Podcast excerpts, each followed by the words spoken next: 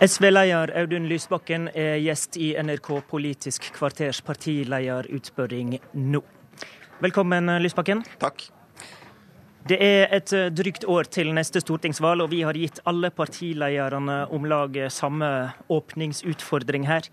Hva vil du velgerne skal oppfatte som unikt ved ditt parti det kommende året? At rettferdighet går igjen i alt det vi gjør. Vi står for rettferdighet i fordelingspolitikken, rettferdighet i klimapolitikken og rettferdighet i skolepolitikken. NRKs politiske leksikon, Lars Nehru Sand. Hvor står SV et år før stortingsvalget? SV kjemper fortsatt mot uh, sperregrensa, men det halvåret de hadde første halvår i år, er egentlig av de bedre på uh, lenge for SVs del. Så er det jo sånn at SVs kamp mot sperregrensen egentlig er vel så interessant for Jonas Gahr Støre som for Audun Lysbakken. Arbeiderpartiet trenger et SV over sperregrensen for å vippe flertallet i Stortinget. Og vi er uansett ikke der at SV neste år får 8,8% oppslutning, som var det de gikk inn i regjering med i 2005.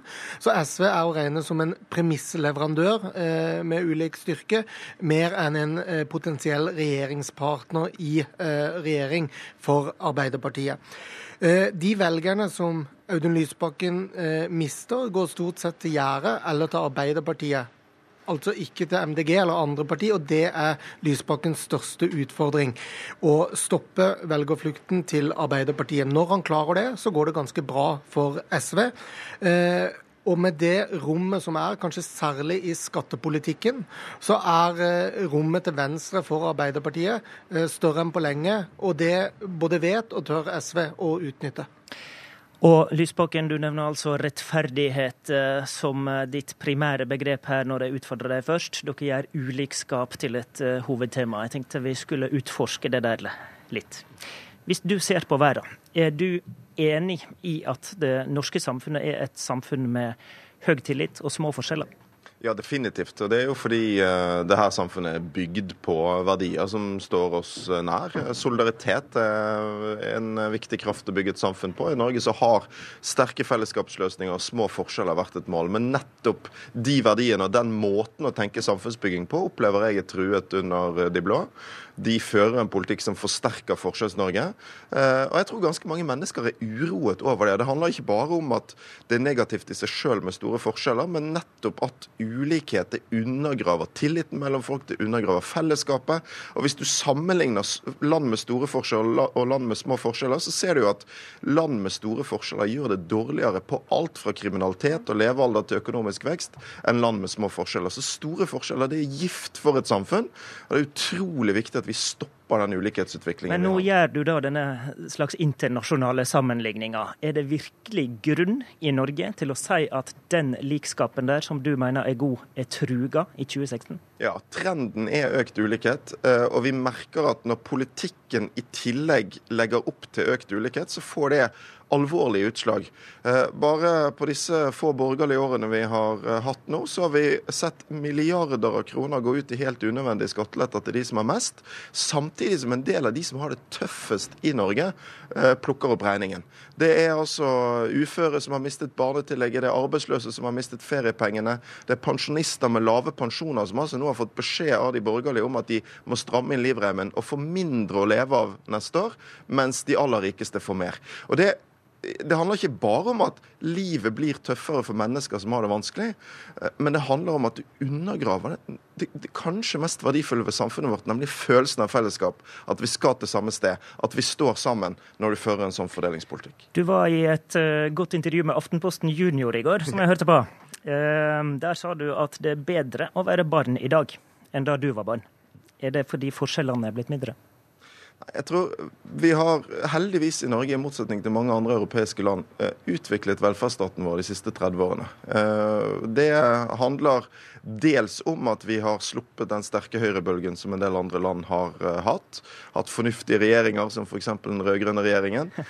Og det handler selvfølgelig om at vi har hatt en sterkere økonomisk posisjon. og Det betyr jo at vi har jo de siste 30 årene bygget ut skolefritidsordning istedenfor at ungene måtte være nøkkelbarn. Vi har fått et mye bedre barnevern, vi har fått barnehageplass til alle.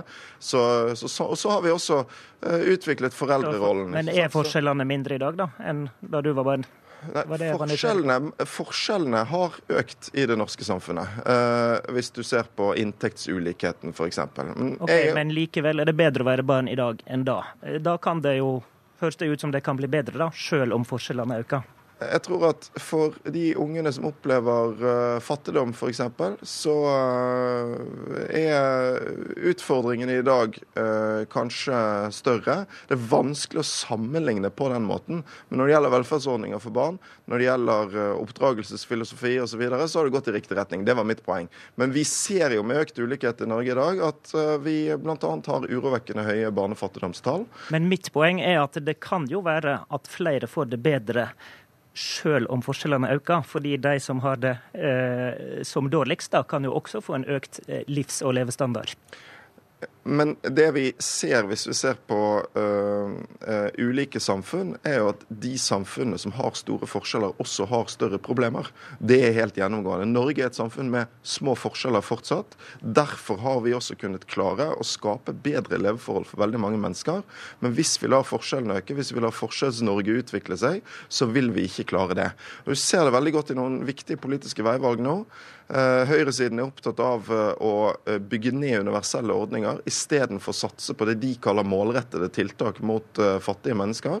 Men når du lager tiltak som øker forskjellene, skaper det også større risiko for fattigdom. Hvis du f.eks. går fra gratis kjernetid i barnehagen til bare inntektsgradert betaling, så skaper du fattigdomsfeller der fattige foreldre mister barnehageplassen hvis de kommer i jobb, og der sjansen for at du blir sittende fast i fattigdom øker.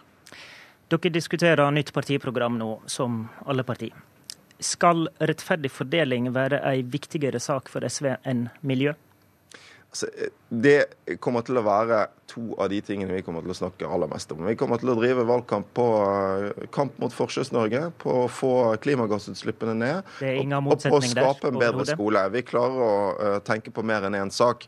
Så klimautfordringen er vår tids aller viktigste spørsmål. Men vi er nødt til å ha en økonomisk politikk i Norge som setter kampen mot forskjeller først.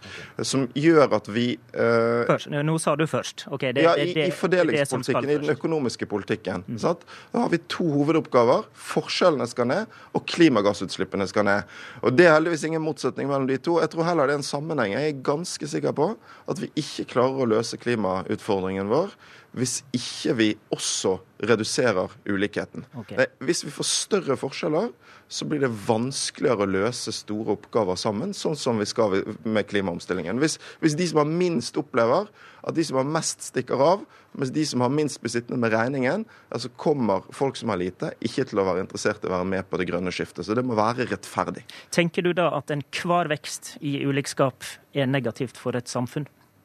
Altså, Når trenden er økt ulikhet, så er det veldig negativt. Og Derfor så må vi ha en økonomisk politikk som trekker i helt motsatt retning. Lavere forskjeller. Jeg tenker på det her. Hvis vi tar imot uh, mange flyktninger, så er jo det uh, noe som faktisk øker ulikskapen i vårt samfunn. Fordi da kommer det inn uh, mange som har økonomisk dårligere ressurser enn oss som er fra før. Da vil det vel være et mål for deg å å faktisk ha eh, forskjeller i dette samfunnet, da, fordi du ønsker å ta imot dem?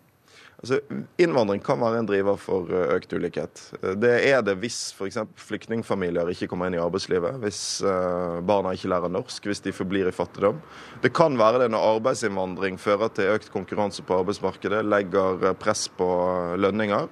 Og Derfor er det utrolig viktig at vi fører en fordelingspolitikk som tar den utfordringen inn over seg. Som hjelper vi, Ja, for det vi nå ser er en passiv integreringspolitikk. Det øker ulikhetene. Hvis du investerer i at folk lærer norsk, hvis du investerer i at ingen nabolag skal integreres, sånn som SV vil, vi vil ha en språkmilliard, vi vil ha en nasjonal områdesatsing Det, det forstår jeg. Du, du, vil ønske å løfte deg. Du, du vil ønske å løfte deg vi har tatt imot. Det forstår jeg. Men samtidig, hvis du mener at store forskjeller er gift for et samfunn, så er du jo faktisk eh, med på å, å, å, etablere slike forskjeller når du tar imot mange som er ressursfattige? For de menneskene som uh, flykter uh, fra krig, så tror jeg nok at bekymringen for ulikhet i Norge likevel er noe mindre. Derfor er vår oppgave å vise solidaritet med mennesker i nød.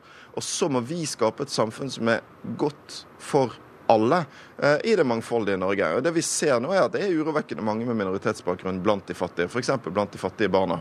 Eh, og Da må vi føre en politikk som gjør at fattige familier får en inntekt det går an å leve av. Eh, I SV så mener vi f.eks. at vi burde øke barnetrygden for de familiene som har aleneforsørgere eller mange barn. Det ville være veldig målrettet for å få bort barnefattigdom, uavhengig av bakgrunn. Det ville virke. Den typen tiltak fins hvis det er politisk vilje til å gi de fattigste mer å leve. SV er jo en av de tydeligste stemmene i innvandringspolitikken når det gjelder flyktninger og asylsøkere. Men når det er snakk om arbeidsinnvandring, så har dere ulike oppfatninger i eh, partiet. Det har vært utspill på at SV vil begrense arbeidsinnvandringa fra EØS-området i krisetid. Eh, hva vil du som partileder at eh, det nye programmet skal si om dette? da? Altså for det første så vil vi ha frihet til å bestemme vår innvandringspolitikk sjøl. At det ikke skal være EU som bestemmer den. Eh, jeg er positiv til arbeidsinnvandring, men jeg er opptatt av at vi skal ha muligheter til å styre den arbeidsinnvandringen, styre arbeidslivet sånn at det ikke fører til sosial dumping og press på lønns- og arbeidsvilkår. Og det er et Men veldig Betyr det at den arbeidsinnvandringa er et større problem for uh, disse ulikskaps- og forskjellsutviklingene, uh, utfordringene du har skissert, enn flyktninger og asylsøkere? Det er vanskelig å måle, men det er i hvert fall et stort paradoks at uh, vi fører veldig mye debatt om flyktninger og muslimer og minoriteter i Norge, uh, mens vi aldri diskuterer arbeidsinnvandringen. Det er nesten et tabu å diskutere den, og vi vet jo at arbeidsinnvandringen har ført til press på lønns- og arbeidsforhold i, i en del uh, deler av arbeidslivet vårt. Vi vet at det fører til eksport av velferdsgoder osv. Uh, og det å sikre oss kontroll over vårt eget arbeidsmarked, det handler ikke om å si nei til arbeidsinnvandrere, men det handler om at vi må kunne styre arbeidslivet vårt sånn at ikke det å ta inn arbeidsinnvandrere fører til, til et nedadgående press på lønns- og arbeidsvilkår. For da øker det ulikhetene i samfunnet. Og det er veldig rart, syns jeg, at vi har en regjering som er veldig villig til å snakke om flyktninger som et problem men som overhodet ikke vil ha en debatt om arbeidsinnvandringen, og som nå, når britene går ut av EU, eh, ikke engang er villig til å ta opp telefonen, ringe til London og undersøke hva slags muligheter det kan gi Norge til å få mer kontroll over vårt eget arbeidsmarked gjennom en annen form for avtale med EU enn den vi har i dag. Og Det vil du ha. Men nå sier du kontroll og styre arbeidsinnvandring. Det betyr vel begrense arbeidsinnvandring i praksis, da?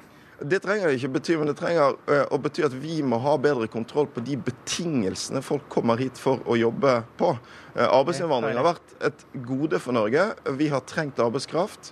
Eh, men det har også skapt utfordringer i deler av arbeidslivet vårt. Og vi må ha sterkere maktmidler til fagbevegelsen f.eks. enn det EØS-avtalen tillater oss i dag. Det er en veldig bekymringsfull utvikling i Europa, der EU-retten blir mer og mer liberalistisk, stadig dømmer mer og mer i favør av arbeidsgiverne. Det undergraver vårt arbeidsliv, og vi vil ha friheten tilbake til å bestemme og ta kontroll over arbeidsmarkedet. Men, men skal vi holde igjen på arbeidsinnvandringa til vi får kontroll med disse tinga, da, og bedre vilkår? Eller det? det? Som du sa, så skal vi ha en diskusjon om akkurat hvordan vi vil gjøre dette i vårt, eh, i vårt arbeidsprogram. Jeg er positiv til arbeidsinnvandring, men vi vil ha handlefrihet til å bestemme over vårt arbeidsliv og over arbeidsinnvandringen sjøl, sånn at ikke det skjer automatisk fra Brussel.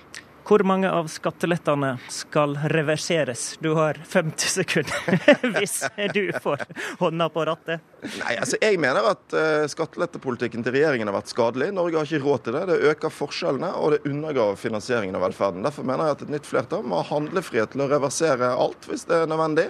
Til å øke skattene til det nivået som trengs for å uh, ta vare på velferdsstaten. Det viktige skattenivået for folk flest, det er skattenivået de sjøl har, ikke det samlede skattenivået. Og SV vil ha lavere skatt på lave inntekter og høyere skatt på høye inntekter. Takk til deg, Audun Lysbakken. Vi holder fram med partilederintervju her med Rødt straks.